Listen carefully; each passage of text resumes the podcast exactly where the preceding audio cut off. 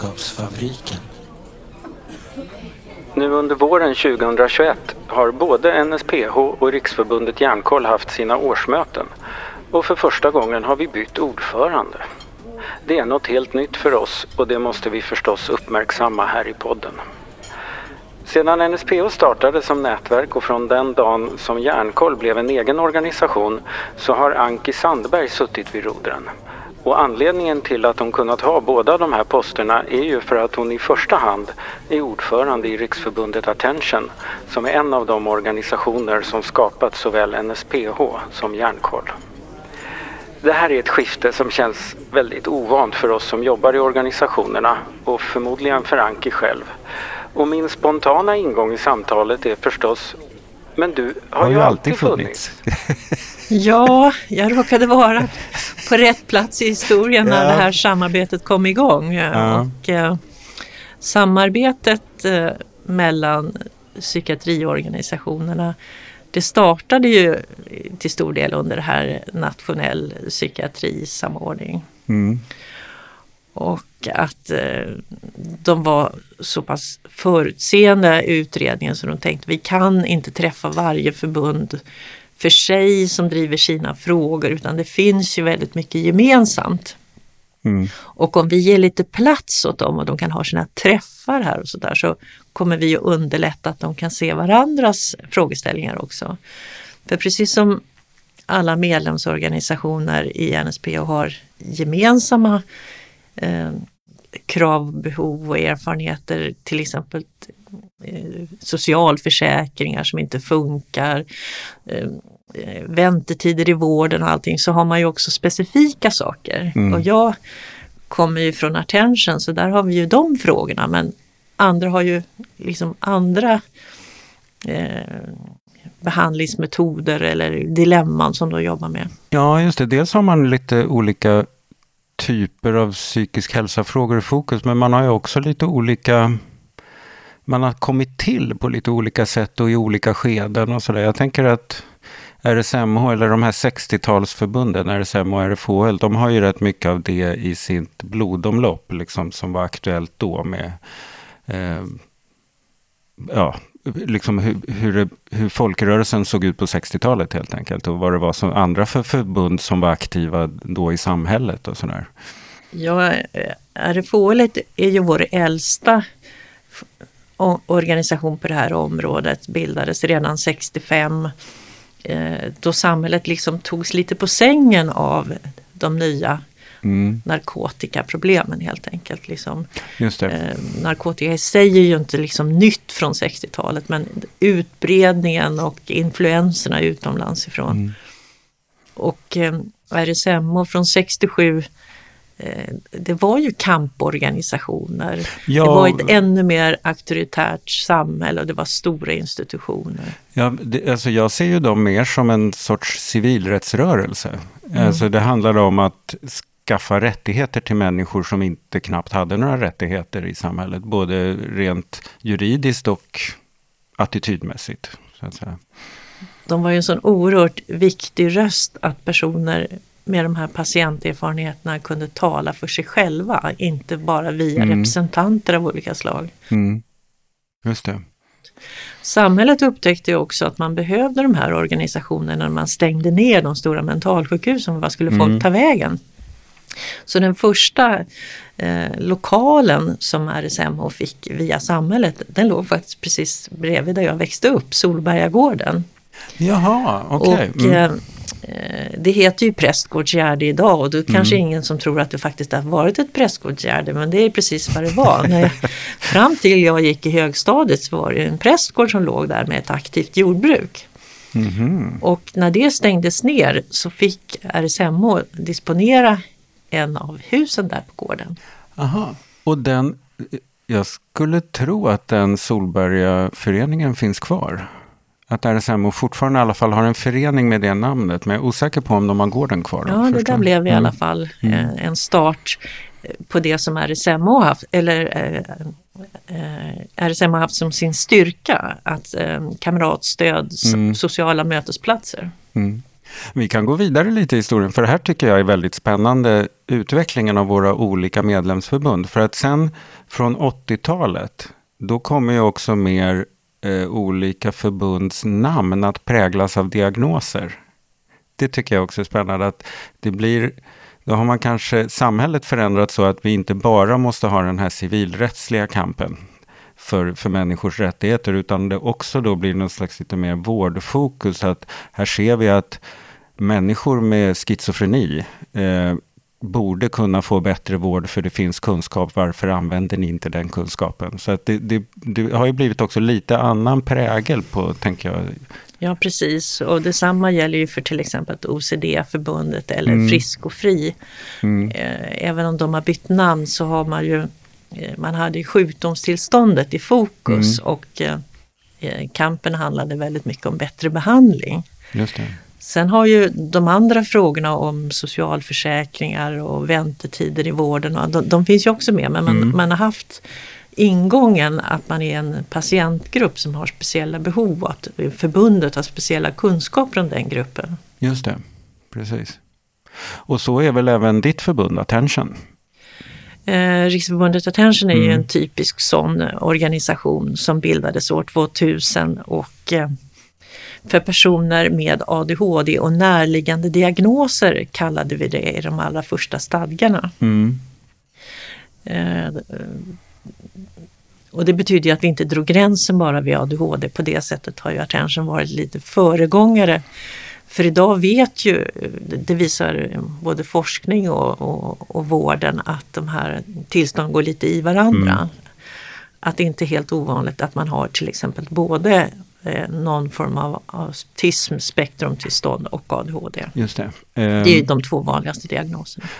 Ja, för det är väl en annan lärdom om man tittar på alla våra organisationers utveckling. Att det enda vi kan vara säkra på är att om tio år vet vi ännu mer. Kafferast i Kunskapsfabriken. Ibland så säger man så åh det är så mycket diagnoser och sådär. Men eh, till exempel så sa ju någon till mig för länge sedan att inom reumatikerspektrat, Reumatikerförbundet, där ryms ju över 60 mm. reumatiska sjukdomar. Mm. Och det är väl inte så konstigt att det finns varianter också på de psykiatriska tillstånden? Ja, så, allt man studerar tenderar ju att falla isär i fler beståndsdelar och som man ser att, och, och som får egna karaktärer. Och det är ju så kunskap byggs. Liksom att man, man kan inte klumpa ihop allt till en diagnos eller till ett tillstånd eller ett problem, utan det, det är mer mångfacetterat. Tack och lov.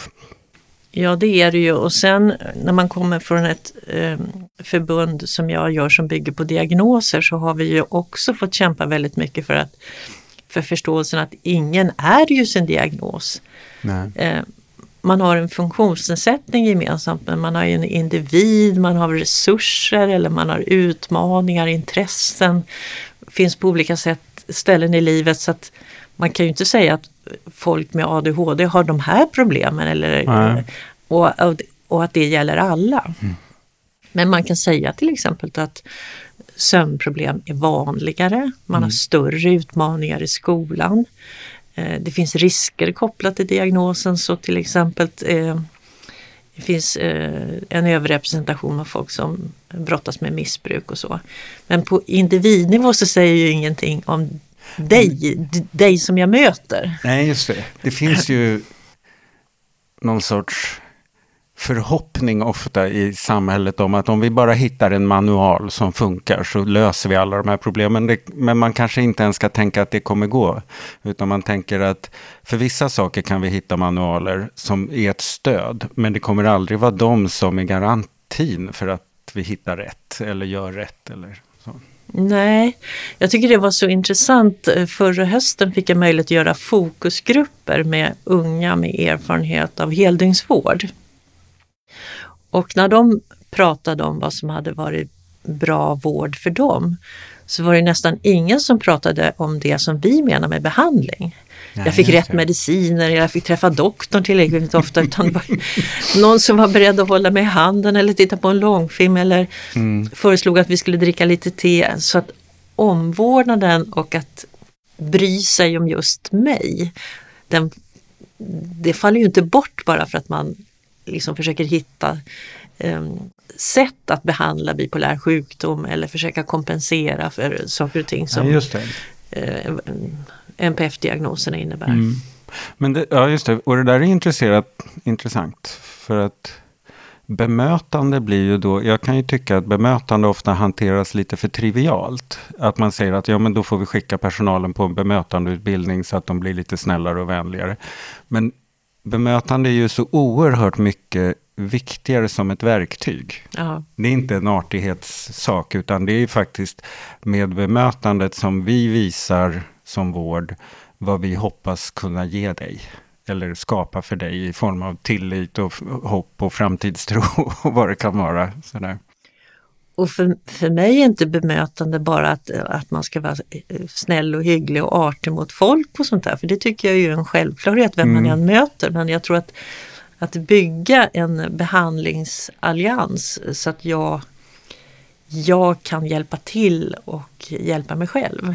Mm. Att, eh, att jag räknas i det här Eh, delaktighetsperspektivet, att jag bjuder in till att vara med om min egen hälsoresa. Mm. För att jag tror det har enormt stor läkande kraft. Att man själv vill vara med och göra någonting bra för sig själv. Ja, för det är också en själv i slutändan som ska bära den där hälsan.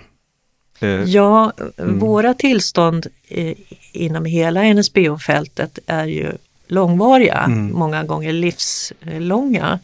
Det är en sak om du bryter armen eller stukar foten eller har du behöver göra en starroperation eller liksom, det är en begränsad vårdinsats och sen kan du liksom gå vidare i livet. Mm. Men här är det ju tillstånd eh, som böljar lite fram och tillbaka.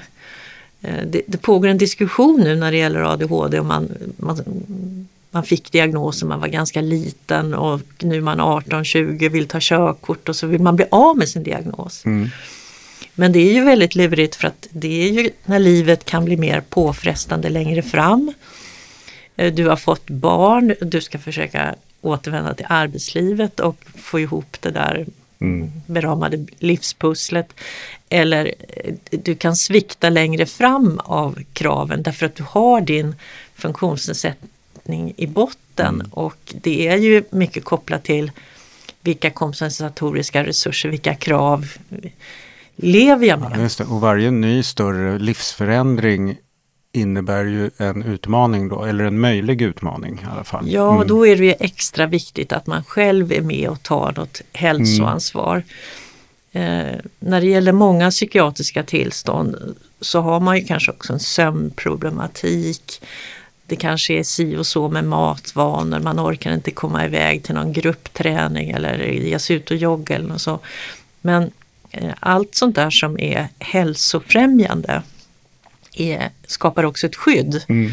mot nästa depression eller ångestattack eller någonting. Så det är inte säkert att det helt och hållet eliminerar risken men det, det bygger upp någon slags styrka i personen.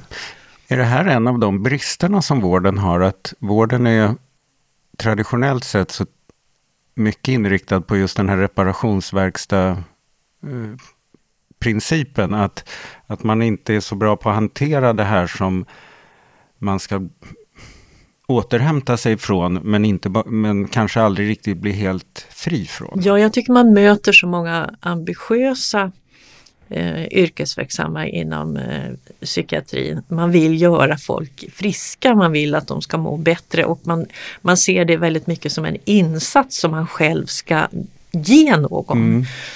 Men det är det jag menar med det här medskapandet. Jag, jag är helt övertygad om att människor kan göra allt möjligt själva också. Mm. Sen finns det tillstånd som kräver medicinering eller specifik behandling men men e även så, så behöver man bygga på den här, det som kallas livskraft eller eh, energi eller vad jag ska säga. Så att, eh.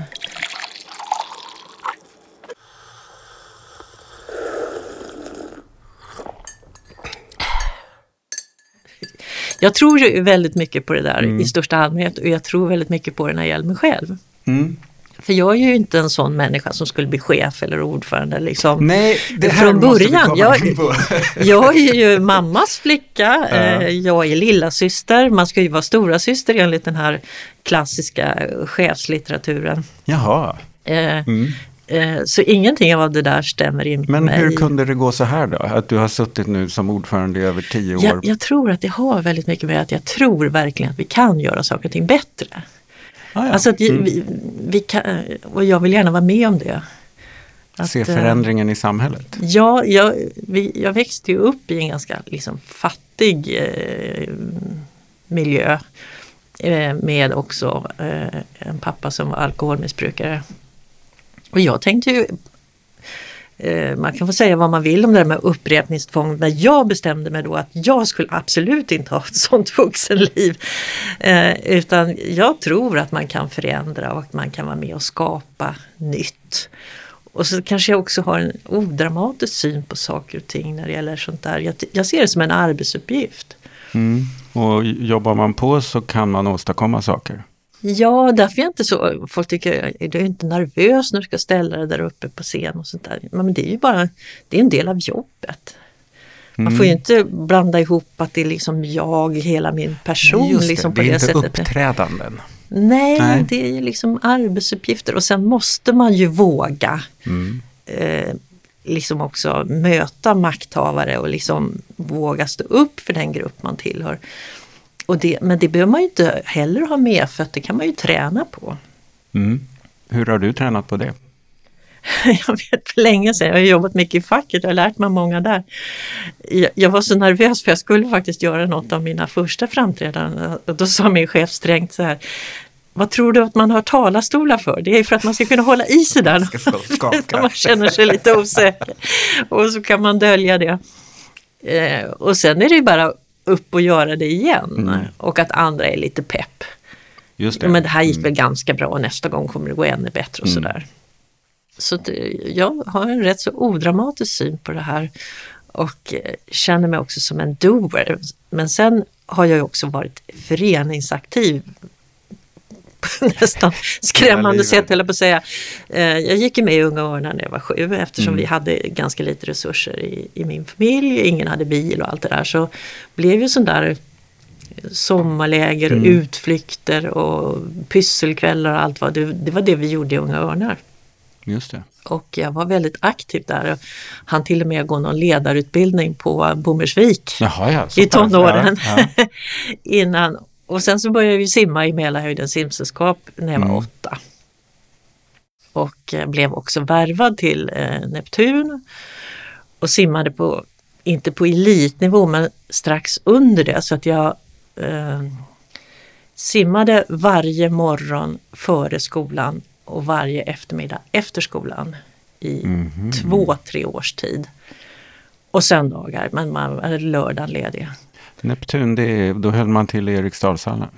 Ja, i Medis var det ju på Ja, den just, tiden. ja, just det. Mm. Mm. Eh, och eh, jag vet inte, jag, jag har alltid gillat att ligga i vattnet och, och man, det flyter både bildligt och bokstavligt eh, för en på något sätt. Men när de eh, krävde att jag skulle börja träna också på lördagar för att kunna bli bättre, då tänkte jag så här Nej, jag tror inte jag, jag, tror inte jag gör det. Mm. Så då gick jag tillbaka till Mälarhöjden och sen så slutade jag väl mer eller mindre helt och hållet med den där, den där organiserade träningen när jag var kanske 16. Ja, just det. Det brukar vara en, i den åldern som Men man gör eh, lite val. och lite längre Mm. fram i några år senare så utbildade jag mig till sån här Halliwick simtränare. Ja, ja. Så jag simmade med funktionshindrade. barn. Ja, Ja, just det. Mm. Min yrkesbana blev ju präglad av att jag tyckte att jag måste ju hemifrån och bygga Mm. mig ett eget liv. Och så satt jag och läste den här katalogen som Saco gav ut på den tiden om alla yrken. Mm. Liksom en sån här katalog. Så tänkte jag arbetsterapeut.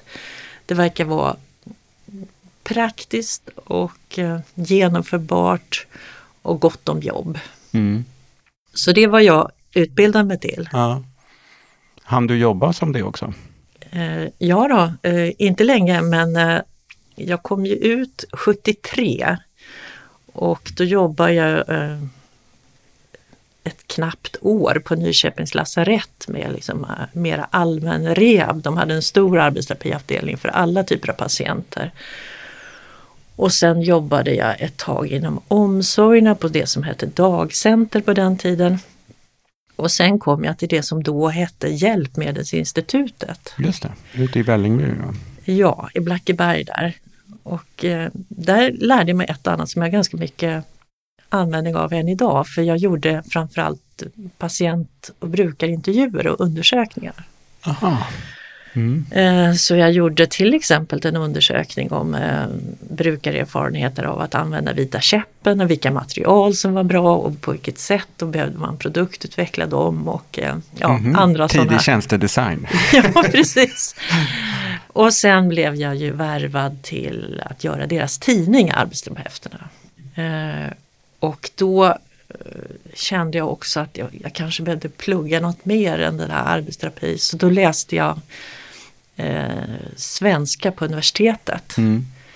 eh, ett år och sen så läste jag en kortare redaktionskurs på Journalisthögskolan. Ja, just det. För att jag betraktar dig ju alltid, jag har ju jobbat tillsammans med dig i drygt tio år nu. För mig är du ju kommunikatör i botten, eller informatör heter det kanske i början. Eh, Ja. sådär. Det, det, det, Det är det jag har liksom tolkat som din professionella eh, identitet på något sätt. Ja, jag hade ett väldigt stort behov av att röra mig utåtriktad så att jag lämnade arbetsterapin var också för att jag kan inte tänka mig ett yrkesliv där jag befinner mig i samma lokaler större delen av arbetsveckan. Jag, vill, jag vill ut och, och träffa människor och se saker och så. Så att göra tidning hade jag ju hållit på med lite på fritiden för att jag var ju också föreningsaktiv förstås eh, när jag pluggade i något som heter Vårdfront och ja, alla Mm. möjliga grejer. Så att jag är också skolad i vänsterns eh, sätt att funka där alla delade ut flygblad och gjorde grejer och sånt Mm. där. Eh, Ett stort lagarbete. Ja. Så det, det, nu har jag ju varit väldigt länge i samma befattningar men där, var ju några år där jag växlade lite. Eh, och så började jag jobba som kommunikatör på det som hette Facklärarförbundet. Mhm. Där gjorde jag deras interntidning och jag skrev alla styrelsereferat. Så det finns få människor som varit på så många styrelsemöten som jag har varit. Det har varit en tillgång sen de sista tio åren kanske. Ja, för det, jag har haft samma roll sen eh, i sju år satt jag på SKTFs styrelsesammanträden och eh, i två och ett halvt på Kommunals. Mm. Jag hann också med ett kort och stormigt år på Journalistförbundet. Så jag har ju levt mitt liv i organisationer. Ja, just det. I organisationer med mycket för, med, med den här skärningspunkten av tjänstemän och förtroendevalda också. Ja, Mm. eh, det har jag. Jag har ju främst varit tjänsteman. Utan det är ju först i funktionshinderrörelsen Mm. som jag har varit förtroendevald. Men jag har ju alltid jobbat i den världen. Just det. Men jag tänker på det här, eh, innan du blev eh, samordnare för NSPO så var du ju ordförande i Attention. Ja, Eh, var det självklart att bli det? Eller var det liksom något som du kände att, ja men då får, får man, om det ska bli något gjort, eller hur, hur tänkte du inför för det?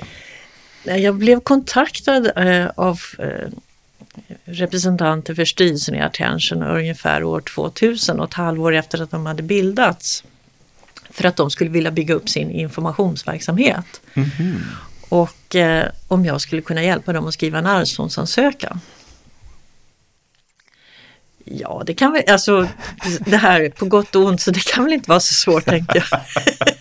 Eh, så eh, det gjorde jag och det resulterade i det förbundets då första eh, treåriga eh, projekt. Så jag jobbade hos dem då som tjänsteman, Ja, ja, just det. eh, som projektledare. Eh, du men de, både skrev ansökan och blev projektledare sen då? så vart det i, i just det, det här fallet. Det är ju inte självklart sen, men, men just vid det tillfället. Eh, Men jag hade ju också en dotter som under den här perioden eh, fick, mådde ganska dåligt och också fick eh, sin diagnos. Så då, då blev det ju ännu mer personligt att försöka lära sig så mycket som möjligt. Man lär sig mm. så mycket av att mm. vara med i en organisation. Eh, och jag var med och bildade Attentions kunskapsråd 2002 som jag fortfarande håller på med. Mm. Eh, där det sitter ledande krafter. Sven Bölte på KI och eh, Annika Brahr här i habiliteringen och folk från ADHD-center och sådär. Eh, så då har man ju fått med sig så mycket kunskaper. Men att jag blev ordförande var faktiskt inte min egen idé utan det var de hade en ledarkris och då var det någon som sa till mig, skulle inte du kunna tänka dig att vara ordförande? Då, ja, det kan väl inte heller vara så svårt. Eller det, jag tyckte inte att det var så konstigt. Mm. Jag jobbade ju, jag var egen företagare i tio år så det var jag ju fortfarande på den tiden så jag styrde ju en hel del över min tid ändå. Så jag var helt ideellt aktiv som ordförande fram till 2007 eh, när det här med eh, NSPO kom på bordet. Just det. Och det var alltså NSPO-nätverket hade kunnat börja umgås kan man väl säga. För det hette inte NSPO då, men under Milton-utredningen. Eh, att liksom diskutera och föra fram gemensamma ståndpunkter och, och inventera varandras ståndpunkter och sådär. Och sen när Milton-utredningen var slut så bestämde tydligen regeringen att det här nätverket måste ju få finnas kvar. Kom det lite oförhappandes? Liksom, eller? Helt. Mm. De som hade drivit på i den riktningen, det var ju väldigt mycket RSMO med mm. Kjell Broström och Jan-Olof Forsén i spetsen. Och, eh, för de hade ju fungerat lite grann, eh, haft en samordnande roll under den där processen. Och eh, jag var faktiskt inte tillfrågad eller vi tyckte väl alla att det var bra att fortsätta samarbetet. Det var mm. vi med på noterna och vi bildade det här NSPH-nätverket i februari 2007. Och det här beslutet om statsbidrag det kom ju i mars 2007 och jag tycker det känns lite viktigt för, för historieskrivningen. Det var inte så staten som beställde att vi skulle ha ett, ett nätverk av organisationer utan Nej, det, det, ändå... det bildade vi ju mm. själva. Ja. Och eh, oj då tänkte jag, herre Jesus vad blir det här då? Därför att eh, det stod i det där regeringsbeslutet att Riksförbundet Attention skulle vara medelsförvaltare hade aldrig hört ordet förut men det förstod man ju att det handlade om att eh, de resurser, eh, de ekonomiska bidragen skulle gå via Attention. Någon måste ju ha hand om pengarna mm. om man ska kunna betala ut det. Och där var vi ju inte då att det fanns liksom ett, en känsla för att vi skulle bilda en, en vanlig organisation. Det, det, det fanns inte det, något gehör för då. Så så startade den delen och då sa jag upp mig eh, på mitt jobb som jag då var, kommunikationschef på Kommunal. Och eh, började jobba med de här frågorna mm. ungefär från ja, maj, juni någon gång. Vad bestod arbetet i i början på NSPOs liksom mer formella bana? Sådär? Jag tänkte ganska snabbt att även om vi ska vara ett nätverk så kommer vi behöva liksom ha motsvarande dokument. Mm. Eh, så jag tog initiativ till att vi tog fram något som heter Plattform för samarbete. Som egentligen var en slags alternativ till stadgar. Mm. Varför samarbetar vi? Vad vill vi samarbeta om? Och vad finns det liksom för grundsyn och vad är syftet med eh, det organiserade samarbetet? Eh, och också en arbetsordning. Mm. Vilka möten och vilka har rätt att komma till möten och alltihopa det där. För det, eh, apropå min långa erfarenhet av organisationer, att utan en struktur så skulle ju här blivit eh, oformligt tror jag. Mm. Eh, och eh, vi spikade den där eh, plattformen då på sommaren där 2007. Hade faktiskt möte i Visby under Almedalsveckan det var ju många som har varit med och bidragit och haft olika roller under den där tiden. Eh, RSMO tittade väl i ärlighetens namn lite snett på mig där i början och tyckte att det var ju de som hade dragit det tunga lasset och så men vi kom ändå att bli ganska hyfsat snart eh, på samma sida och, mm. och hade också väldigt mycket lika grundsyn i, i, i frågor. Och därför kom vi också att anställa Kjell Broström Ja, från RSMH till från nätverket. RSMH ja, just på det. hösten 2007. För det, det förstod man ju själv eh, att eh, jag tänkte så här, vi kommer att behöva en administratör också. Mm. Och eh, någon som kan hålla ihop alla kallelser och, och kontakter och sånt där. För vi måste ändå göra ett organisationsmaskineri om det här om det ska funka. Och då samma dag som vi fick det här regeringsbeslutet så lätt omskakad så befann jag mig på Odenplan och så sprang jag ihop med en, en god vän som heter Marie-Louise Armand. Eh, som eh, var mellan två jobb. Och Då tänkte jag nästan som ett omen, ja men här, här har du ju jobbet. eh, och hon har ju också jobbat mycket i organisationer. Eh, och, så jag kände mig ganska, det här kommer nog gå bra. Det gjorde det ju också. Och Hon är ju också väldigt bred i sin kompetens. Ja, hon hade ju varit informationschef på Tom Tits-museet närmast innan och jobbat på Sollentuna-mässan. Så att egentligen var väl det här kanske hon var mer kvalificerad men, men hon gav ett väldigt starkt innehåll till det här. Och tillförde ju just i och med att hon hade den här samhällsöverblicken och så något mer än att eh, bara fungera som administratör. Hon hade ju också eh, väldigt mycket kommunikativa arbetsuppgifter. det. Mm. För det är en annan sak. En struktur för samarbetet, det var jag helt övertygad att det, det måste vi ha. Man, så man vet när ska det vara möten och vilka har rätt att komma och liksom hit och dit. Vem betalar kaffet? Ja, man betalar om någon behöver resa, vad gäller liksom. Och vem har bokat lokalen? Och, eh, och sen så behöver vi ju kommunikation. Mm. Vad håller vi på med? Eh, Och hon kunde vara allt det. och hon kunde vara allt det. Så då var det du och Kjell och Marie-Louise. Ja,